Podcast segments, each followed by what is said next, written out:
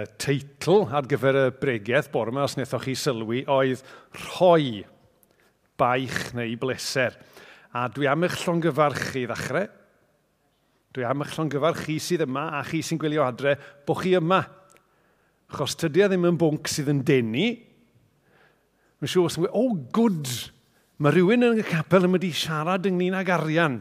Mae hwnna'n mynd i fod yn gret, yn dydi? Na, falle ddim, okay. Dydy e ddim y pwnc mwyaf deniadol, a mae'n bwnc mae llawer ohono ni'n dewis i osgoi mewn gwirionedd. A hefyd, um, o Rhys yn sôn bod, bod ni wedi bod yn siarad doi ag echddoe, fi o'n i'n ystyried pidio sôn amdano fe, er mwyn rhoi mwy o sylw uh, i, i sefyllfa yr Wcrain. Ond eithon ni benderfynu parhau, ac fe, fe welwn ni erbyn diwedd y bregaeth, mae'n y gysylltiad yma. Mae yna gysylltiad yma um, efo beth dyn ni newydd fod yn trafod am sefyllfa yr Wcrain. Nawr wrth gwrs, dyn ni'n delio efo'r pwnc yma, dyn ni'n edrych ar y pwnc yma ar ôl i ni fod yn dilyn y gyfres yma, cyfarfod Crist, profi'r wefr. A be dyn ni wedi bod yn neud yn y gyfres yna, di edrych ar pobl yn cyfarfod Iesu ac yn cael ei newid gan Iesu, a dyn ni wedi gweld ym mhob achos, ar ôl cyfarfod Iesu, doedd neb yr un fath. A un ffordd o edrych ar y pwnc heddiw yw fod e'n cynnig un ateb i'r cwestiwn ym mha ffordd mae Dyw eisiau fy newid i. Okay, dyn ni'n sôn bod Dyw yn y newid ni. Y cwestiwn yw, ym mha ffordd mae Dyw eisiau newid ni? Ac wrth gwrs yr ateb ydy, ym mhob ffordd. Mae eisiau newid pob rhan o mywyd i, os di dew ar waith yn fy mywyd i, yn fy nhraws ffurfio i, mae e eisiau trawsffurfio pob rhan ohono ni.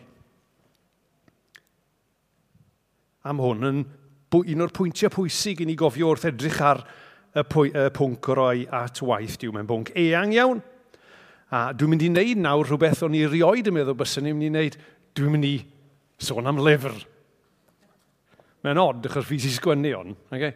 Rhyw ddwy flynedd yn ôl, fe ddath rhywun ato fi gofyn, wyt ti eisiau sgwennu rhywbeth yn y gyfres y Beibl ar? Uh, mae cyfeiriadau'r gair wneud yna. A nes i benderfynu yn fy noethineb i baratoi llyfr y Beibl ar roi a chyfrannu. Na ren, uh, i'r rhain chi sy'n licio bargen, mae gen i bimp copi fan hyn. Cyfan dych chi angen i gael copi ydy dod atai ar y diwedd a deud nhw chi roi rhywbeth yn casgliad. Okay? Dyn hynny yw, it's not a big book. Okay? So, llwch chi ddarllen e pnaw yma. Ond os ydych chi eisiau weld e, a os ydych chi eisiau edrych yn llawnach ar y pwnc, ddim lot llawnach, obviously. Os ydych chi eisiau edrych yn llawnach ar y pwnc yna, yna beth dwi'n gallu roi uh, sylwedd y fe bore yma, mae croeso i chi gael uh, copi o'r llyfr. Ond y bore yma, dyn ni am edrych ar bedwar pwynt, a wedyn dyn ni'n mynd i medd feddwl chydig bach am ein cyfrifoldeb ni fel unigolion ac fel eglwys mewn ymateb i'r pedwar pwynt yna. A'r pwyntiau ydy deall heilioni diw, addoli trwy roi, mae e ynglyn â'r galon a gwasanaethu trwy fydd soddi, a wedyn fyddwn ni'n edrych ar yn cyfrifoldebau ni wedyn ni. Pwynt cyntaf felly, deall haelioni diw. Cyn i ni feddwl ynglyn â bod yn hael yn hunain, mae'n rhaid i ni ddeall haelioni Dyw. Wrth i ni edrych ar y thema dros yr wythnosau diwetha, un o'r pethau dyn ni wedi gweld yw na tydi taith pawb i ddod i ffydd ddim o reidrwydd yr un peth. I'r rhai mewn sydyn, i'r rhai mewn raddol, i'r rhai mewn ddramatig, i'r rhai dydy e ddim. Mae'n rhai yn cael ei taro gan rai gwirioneddau eraill yn cael ei taro gan wirioneddau eraill. Ond, un peth sydd yn wir y mywyd pob Cristion yw bod y bwynt yn dod lle dyn ni'n sylweddoli beth mae Dyw wedi gwneud droson ni a beth mae Dyw yn gwneud droson ni. Mae'n digwydd yn yn ailen i ni fel soniodd Rhys wythnos diwetha, ond wrth gwrs pwynt mawr Rhys wythnos diwetha oedd dwi'n na ddim yn stopio. Dim digwyddiad a dyna ni, mae Dyw'n parhau i weithio yn ni, a dyn ni'n parhau i ddeall mwy a mwy ynglyn â y cyfan mae Dyw wedi gwneud droston ni. Dyn ni'n sylweddoli ac yn raddol yn cael yn llorio gan heilioni a gras Dew. Ei fod e wedi rhoi a ac yn rhoi, dal i roi gymaint i ni pan dyn ni'n gwirionedd yn heiddi dim. A mae Dyw yn gwneud hynny achos dyna ydy ei gymeriadau. Dyna sut i'n ydy. Mae rhoi yn hael yn elfen graidd o gymeriad diw ei hun. Mae ei helioni i weld o'n cwmpas ni. Mae e weld yn y greadigaeth. Dyn ni'n byw Hynny yw, sy'n eisiau fi ddeud hyn yn byw mewn ardal hyfryd fatha dyn ni'n byw, ond dyn ni mewn byw mewn rhyw fyd fflat, diflas, di-liw. Dyn ni'n byw mewn byd hardd, amryliw, cyfoethog, amrywiol. Un o'r dyfyniadau dwi'n uh, cyfeirio ato fe yn y llyfr ydy dyfyniad gan un o'r enw Andrew Wilson, sydd yn sôn am y greadigaeth fel hyn. Mae'n deud, he gives rain He gives light. He gives fragrances and flowers. He gives colours. He covers the earth with food giving plants or life giving water. And in the places where he doesn't, the very rocks cry out. Gwrandwch ar y linell yma. None of these things are needed by God or deserved by his creatures, but he gives them anyway. Dyna i natur e. Dyna'r arglwydd dyn ni'n ei addoli fe. Un sydd yn hael, llawer yn fwy graslon a hael nag sydd angen iddo fe fod. Ac wrth gwrs, ymhellach na hynny, dyn ni'n gweld i heilioni fe yn y ffordd mae'n delio efo ni yng Nghyst. Dyn ni'n ffôl, dyn ni'n anystywall, dyn ni'n styfnig, ond yng Nghyst, dewisodd roi ei hun yn llwyr i wasanaethu eraill. Dyna sut un yw ein diw ni. Mae'r mae diw dyn ni'n deud i bod ni'n ei ddilyn e yn ddiw hael, mae'n ddiw graslon, mae'n ddiw caredig. A mae hwnna'n dod o'n ymlaen yn y tiriol i'r ail bwynt, addoli trwy'r hoi. Achos os ydyn ni'n deall ac yn gweld gymaint y mae Dyw wedi gwneud drosto ni, mor hael mae Dyw wedi bod teg ata ni, fe fyddwn ni eisiau addoli ac fe fyddwn ni eisiau deall. Nawr, mae ganddo fe hawl arno ni.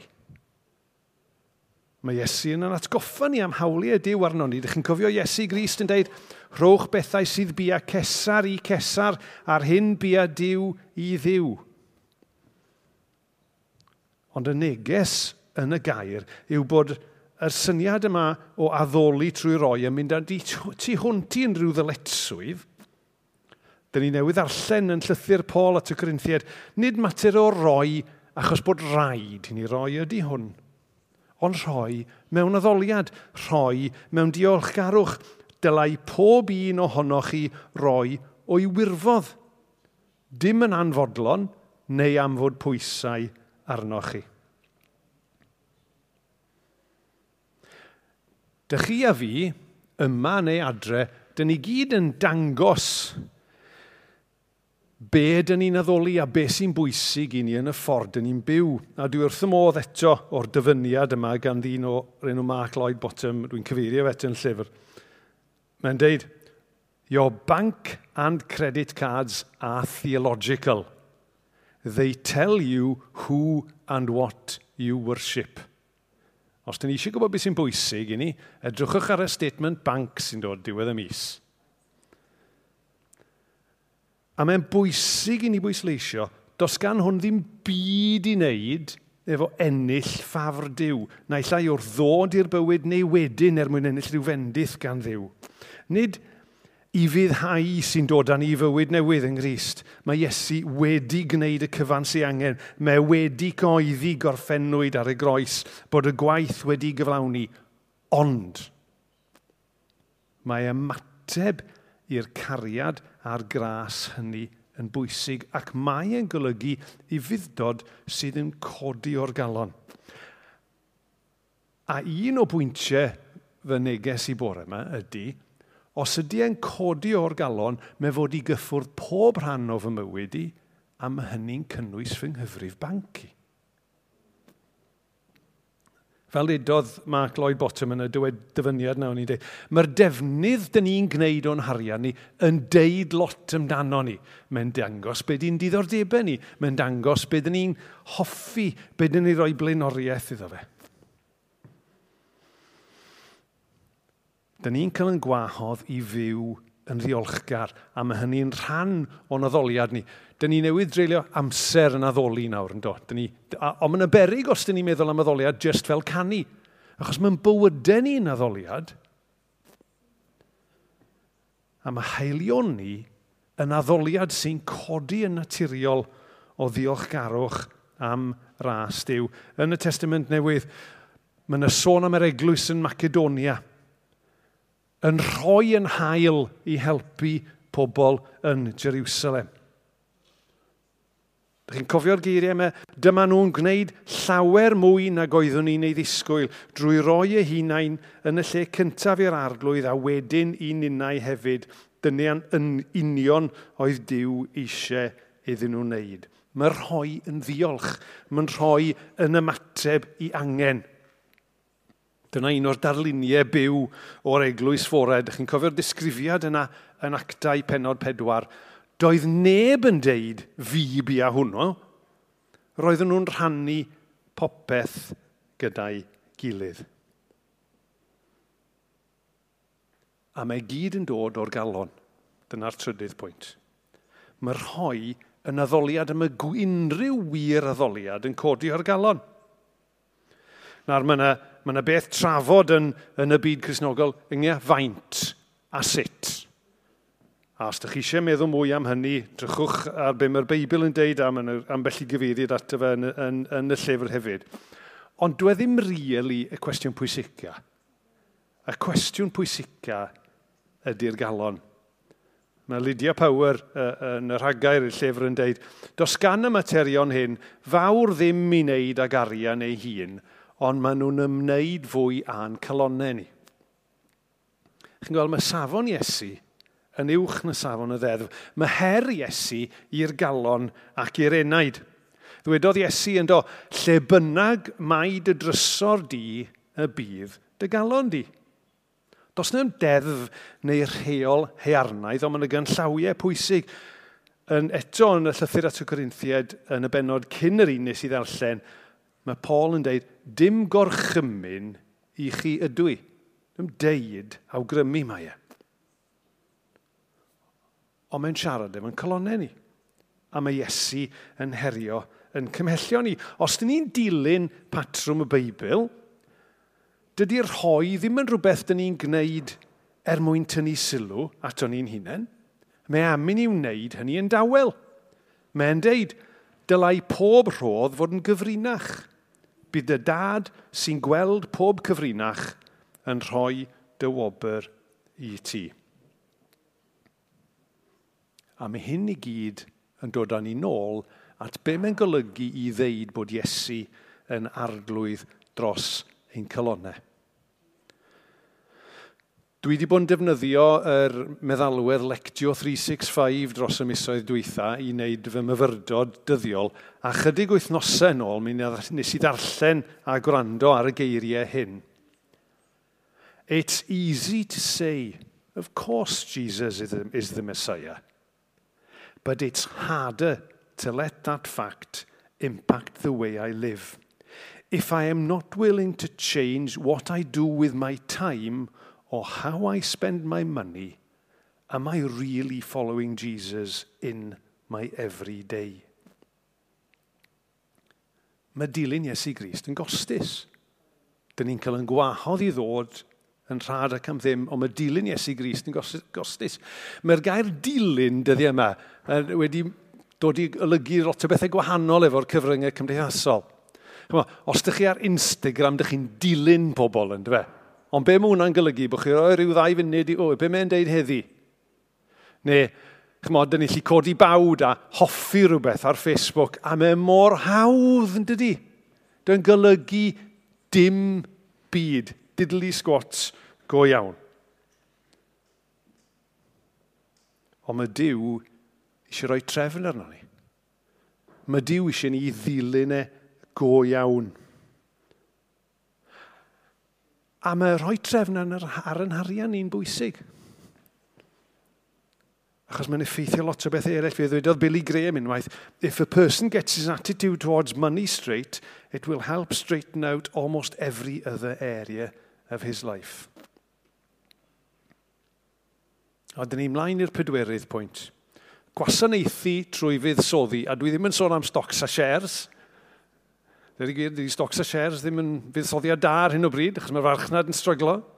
Na, dwi ddim yn sôn am hynny, dwi'n sôn am buddsoddi yng ngwaith diw. Yn ei lythyr at yr effesiaid, yn penod 5, mae Paul yn deud y geiriau hyn, felly dilynwch esiampl diw, gan eich bod yn blant anwyl iddo. Dylech fyw bywydau llawn cariad, yn union fel gwnaeth y Mysia ein caru ni a marw yn ein lle ni, roddodd ei hun fel offrwm ac aberth oedd yn aroglyn hyfryd i ddiw. Nawr yn ameg y talentau, fe soniodd Iesu am fuddsoddi. Buddsoddi yn y deyrnas oedd e'n trio dysgu na fe. A mae yna elfen ymarferol i hyn, a mae yna elfen ysbrydol i hyn. A mewn gwirionedd, wrth jyst deud hynna, dwi wedi creu yr awgrym bod yna wahaniaeth rhwng y ddau, ond does na ddim. Os di rhywbeth yn ysbrydol, mae'n ymarferol. Os di rhywbeth yn, yn ymarferol, mae'n ysbrydol. Un o'r pethau o'n i'n cael nat goffan o fe wrth baratoi, chi'n gwybod, dyn ni'n dysgu lot am ddoniau'r ysbryd yn y Beibl. Mae rhoi yn ddawn yr ysbryd, mae yn y list. Ond dwi, dwi ddim eto wedi clywed fy hun na neb arall yn gweddio o arglwydd rho'r ddawn o rhoi i mi. Achos mae'n ymarferol iawn, yn dydi?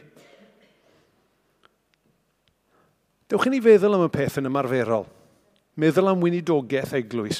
Dwedwch er yr enghraifft er enghraifft bod eglwys yn penderfynu bod nhw eisiau estyn allan i, i gyrraedd at bobl ifanc mewn, mewn ardal. Yn ymarferol, mae hynny'n golygu cost. Fe allai olygu llogi adeilad, os nad oes gofod addas yn y capel. Fe allai adnoddi talu am y gydnoddau a cyfarfod a chost gweithgareddau. A mae'n rhaid cael arian i wneud hynny. Os i fedlwys eisiau sefydlu unrhyw weinidogaeth, mae rhaid sefydlu cyllideb ar gyfer ei gefnogi fe. Yn ysbrydol, fydden nhw ddim bendith i bobl ifanc yr ardal heb yr ymarferol o fuddsoddi'n ariannol yn y gwaith.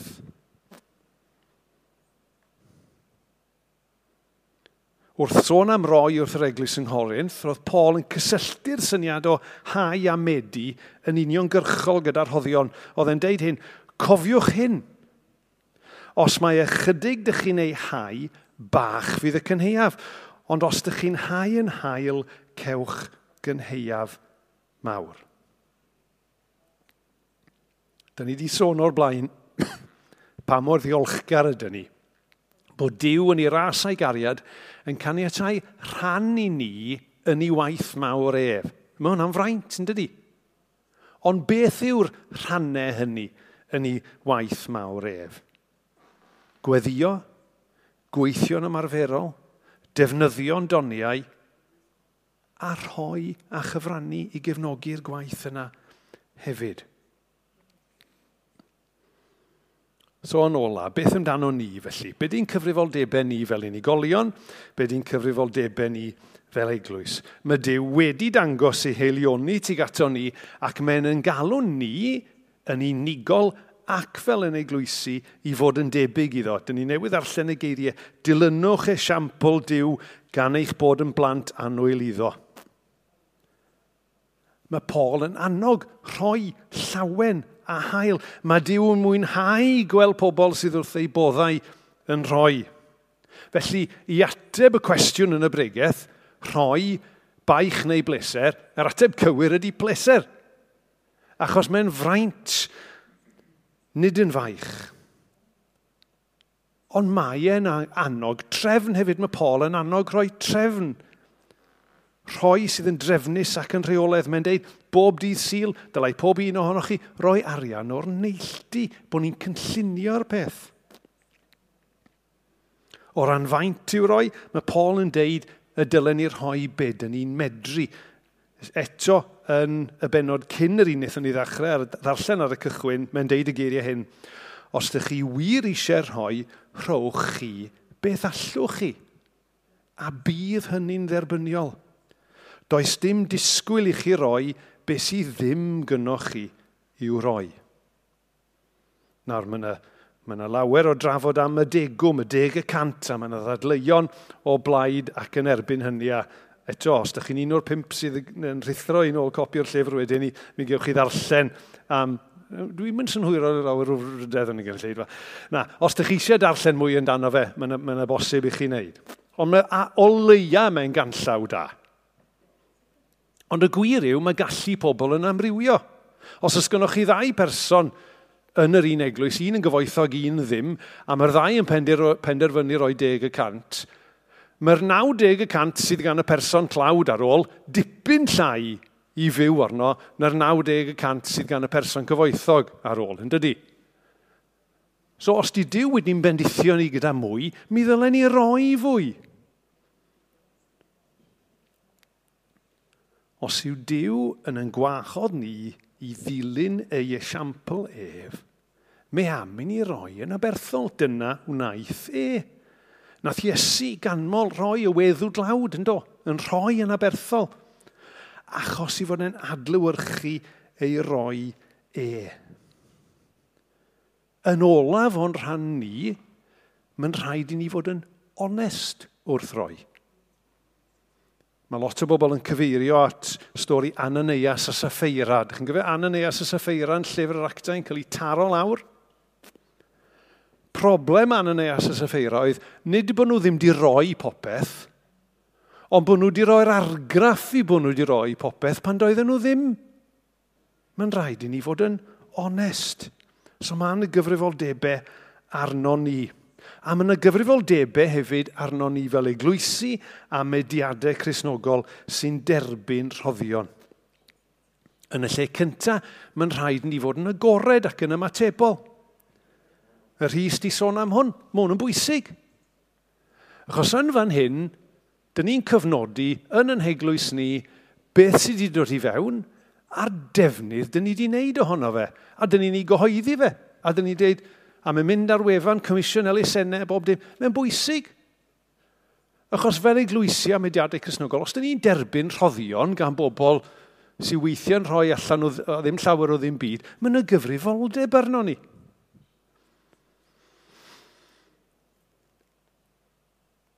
mae'n rhaid i ni warchod rhag bod yn afradlon yn y defnydd ni o arian. Os da ni fel eglwysi yn derbyn rhoddion sy'n cyfateb i'r ddwy geinio gola, falle i rai, mae cyfrifoldeb enfawr yn sgil hynny. Dyn ni'n byw mewn oes lle mae yna gymaint o ormodiaeth. Ar un llaw mae yna bobl efo gormod, ar y llaw arall mae yna bobl efo dim digon. A felly rhaid ni fod yn ofalus iawn i byd e bod yn wastraffus neu nafradlon gyda neu adnoddau dyn ni yn ei dderbyn. A tydy hynny ddim yn golygu Chymo, bod ni ddim yn talu pobl yn iawn a bod ni'n bod ni gofyn i'r gonidog a bwy bynnag arall fyw yn llwm, dyn ni'n mynd deud hynny, mae eisiau bod yn anrydeddus. Mae Dyw yn ddiw hael a dylen ni fel eglwysi a mediadau fod yn anrydeddus yn yn cydnabyddiaeth ni. A'r pwynt olaf am y cyfrifoldeb arno ni fel eglwysi yw, ddylen ni ddim fod yn rhy fewnblyg. A mae hwn yn arbennig yn berthnasol i beth yn ni fod yn trafod yn heddiw. Os dyn ni'n edrych ar yr rhoi yn y Beibl, a dyn ni'n mynd nôl i'r Hen Testament, dyn ni'n gweld bod yna ddegwm. A roedd y degwm yn mynd i'r deml. A rhan o hwnna oedd i gynnal meibion lefi oedd yn gweithio yn y deml ond mi oedd yna gyfrifoldeb ar feibion lefi i ddygymu hefyd. Fel bod nhw ddim jest yn meddwl amdanyn nhw eu hunain. A ddyle unrhyw eglwys, ddim fod, ddyle ni ddim fod o'n ffocws ni jest ar ymbeddiannau'n hunain.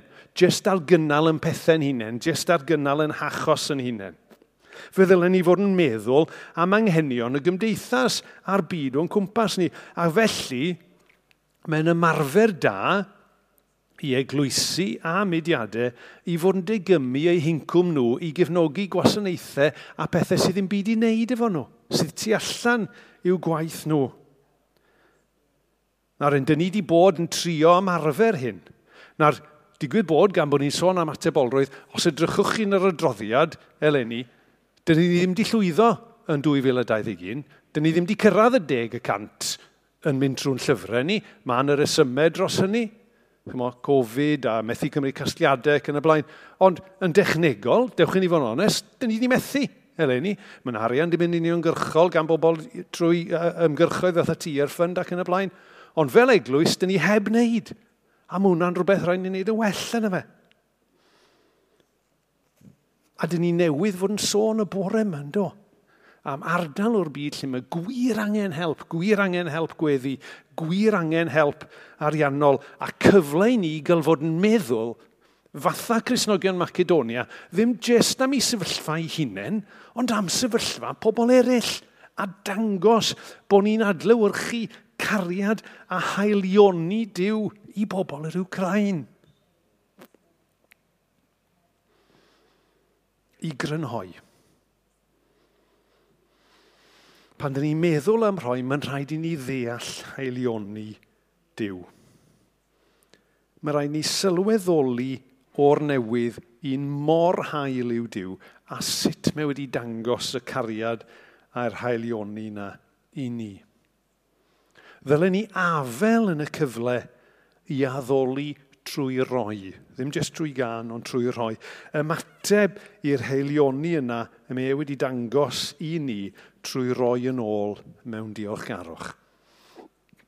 A mae'r her fel edes i ddim yn gymaint i'n trefniadau ni, ond mae'n ni yn calonau ni. Achos os ni'n calonau ni yn y lle iawn, mi wneith yn trefniadau ni weithiau ffordd allan yn iawn. Pidio meddwl am ddilyn reolau, ond i adael yn rhoi ni lifo o'n cariad ni a'n diolchgarwch ni iddo fe. A wedyn bod ni'n cael y fraint o wasanaethu driw trwy fuddsoddi yn ei deyrnas e, bod ni'n diolch i ddew am y fraint o gael ei ddilyn e, a'r fraint a'r anrhydedd a'r cyfle i gyfrannu yn ariannol ac mewn ffyrdd eraill at ei waith e.